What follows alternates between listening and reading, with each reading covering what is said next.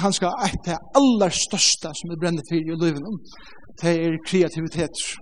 Det er, eh, jeg har en lærer av Dallas, eh, som er Dr. Howard Hendricks, og han skriver en bok som heter Coloring Outside the Lines, og, og mynden er her, ofte da jeg stand her oppe, og da folk færre heim, så kommer bøtten og sundagsskolen vis på pyren, som de skulle tekna inn og ja.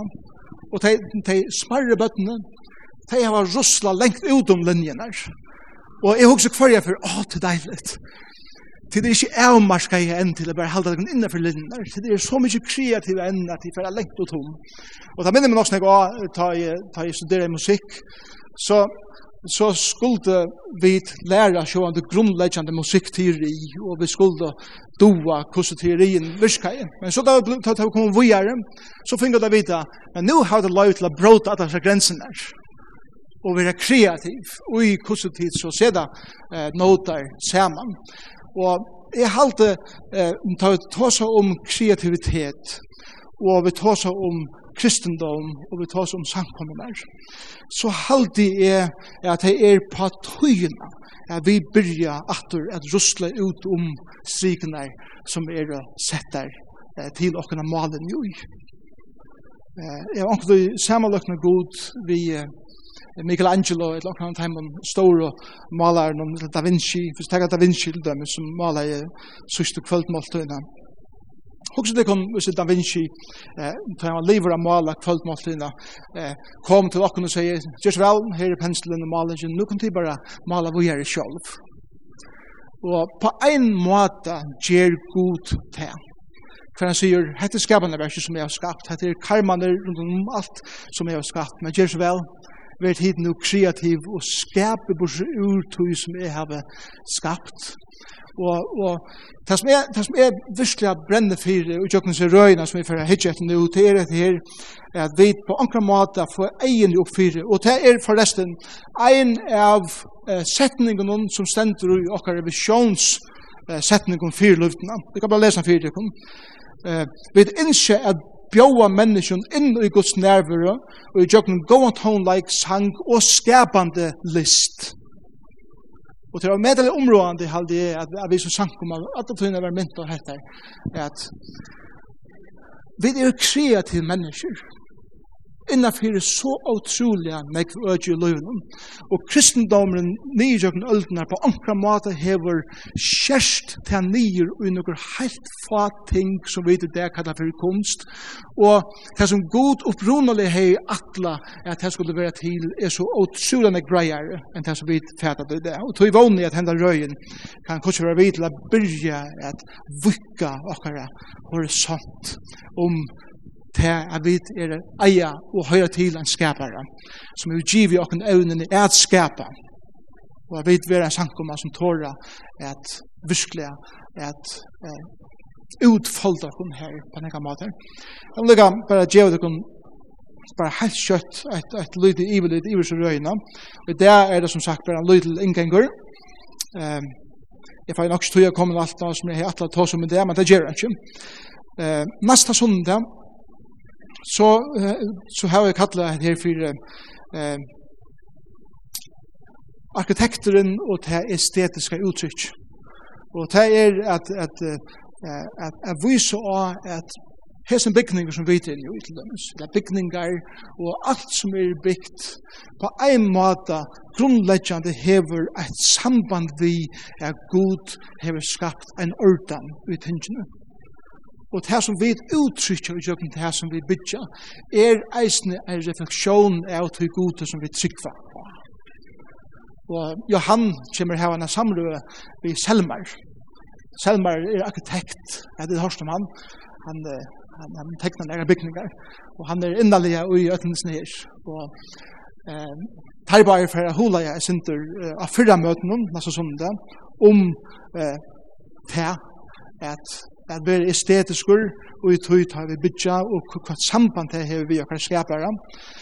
Og jeg kommer så av næsta møten at hula jeg meire omhattar, særlig ut fra tempelen i Jerusalem, hvordan det har vært designa til at føre okken inn og gjerne djupa tilbyen av gode.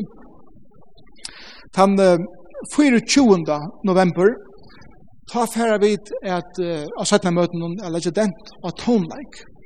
Og vi får at uh, prata vi några unga tonläkare i luften eh, som samtidig för at uttrykja se og jokken sin instrument eh, kurset tær att hej eh, oppfæra musikk og kan tuttning tonläkare hever fire eh, fyrir tei.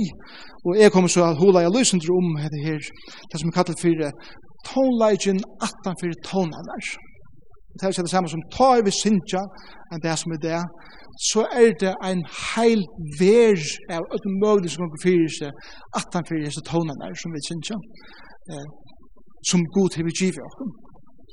Så gjerne, eh, den 1. desember, så kallar vi det eh, den dagen fyrir penselen tja malaren og tøyaranden.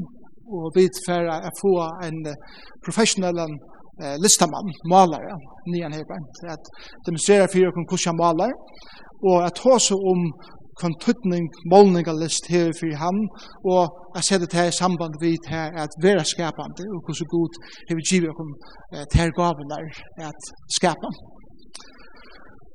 Um, den 8. Uh, desember, Her kallar vi uh, dagen fyrir myndatålet tja fotografen og søvann at han fyrir.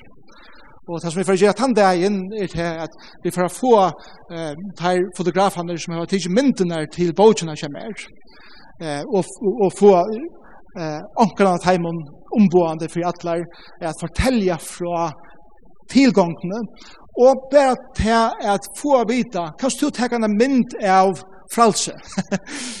Hvordan sør gjør man det? Og hva er det for eh, kreativ prosess som fer i gang tja en person som, eh, som fer en slik oppgave vi en kamera.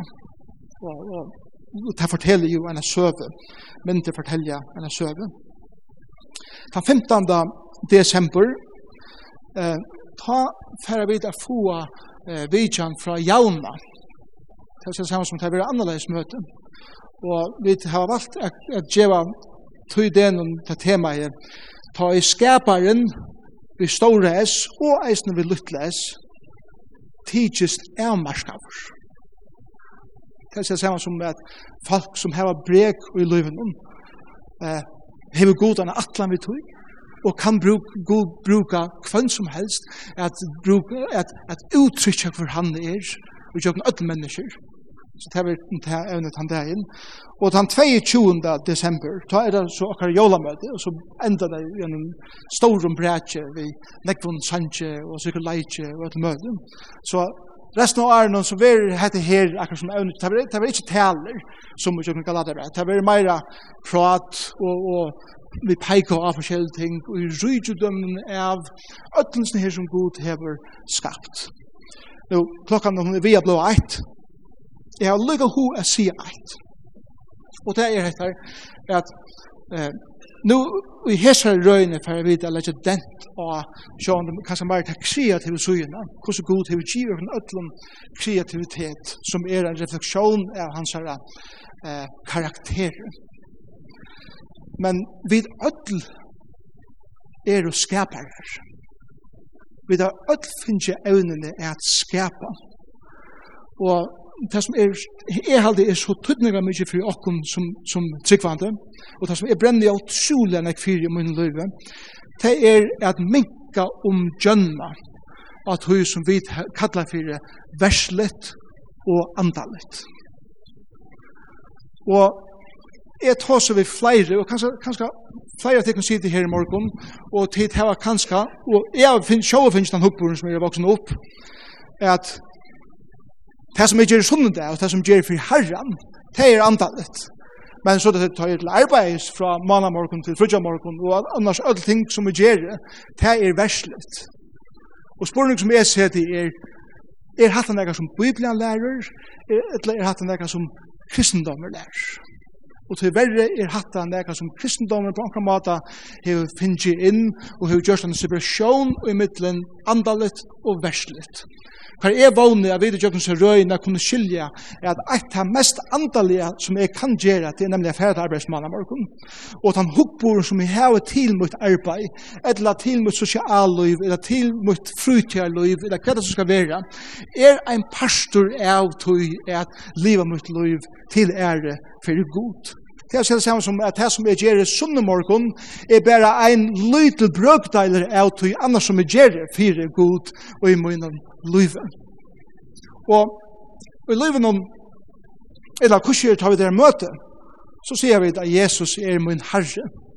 At når jeg bruker dette uttrykket kanskje, og jeg huske det, jeg er ikke at Jesus skal være min herre. Men ta og vi huske om dette konseptet, så skal jeg bare lese fire fra Kolossebraunen, kapittel 1, her sender så leis, tog ui honon var alt skapt, ta ui himmelen og ta av hjørne, hitt kjønnlige og hitt åskjønnlige, ver ta no hasate herradømme tikkner etter vald, alt, legg meg til, alt, alt er skapt vi honon og til hans herran. Han er framan undan ötlun, og ui honom er det at alt verur standant. Jeg må sitere for det, det som er med oss, som Francis Schaeffer, som er med oss med å lise nekv, studere nekv, og som er suttje og nekv opp til. Han sier så leis, som evangelisk tryggvande, har vi tog en verre sett til listelige ut i periferiene av tog som vi halte at en sankum skal eikjennes det av.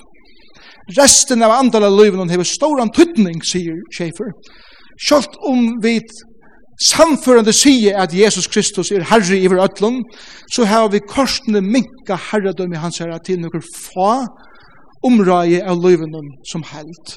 Tess vegna har vi ikkje gagnut alt her rujtjødømme som Bibelen gjever okkon, og som okkar mentan eisen som held gjever okkon. Og vi har glemt at list, myndlist, tonlist, leiklist, filmslist, ritlist, og annars arbeidslist. Det er at bæra at arbeid er en pastor av til skaparversjonen som god eh, hevur givi okkum og er tøy eisini undir hansar herradømme, og okkum bæði til at nøyta og eisini at njóta. Og hatt er så omrand. God hevur givi okkum sjónuna. The God skapte sjónuna og han gav til her liter og skukkar at njóta. Han skapti hørdnena, og han vil givet okkom Like. Han skapte smatches hansen, og han vil give okkur mæt at njóta og at tidsja. Han skapte nemes hansen, og han gav tar konsistens at handfæra. Han skapte luktes hansen, og han skapte rosenar og engan av teimen til okkum at lukta. Og alt hettar hur god give tær og mer at njóta kvendt. Og måtte vi tog expandera eller eh, utvikka okkara forståelse om hva det betyr å kalla Jesus Herre i okkara liv. Og at öll omrøyne i okkara liv er jo god og er han her liv. Og tog må vi komme borster fra oss her meir og meir at jeg er mon og at hun som er verslet og at hun som er andalet. Til måneder av tog som er andalet, og tog som er beinleis, spottande av gode. Her er måneder av. Men til så øyne verslet, som ikke spottande av gode, som er bare ganske gemen gerandes ting. Og her skal god eisne være herre i akkurat Og til det som er bønlig å bli han om skal jeg kjenne mitt liv mer og mer, men eisen er okkur som samkommer. Så leis at ta jeg vidt som sankommer, uttrykker okkur. så er det ikke bare her sunn og morgen, men så er det alle sender som vil komme, og mennesker skulle få ein og fire, at det var drien inn i en tilbjørende gode, som gjevet han smakke av hvor god verdig er, og gjøkken okkara. Løyf. Amen.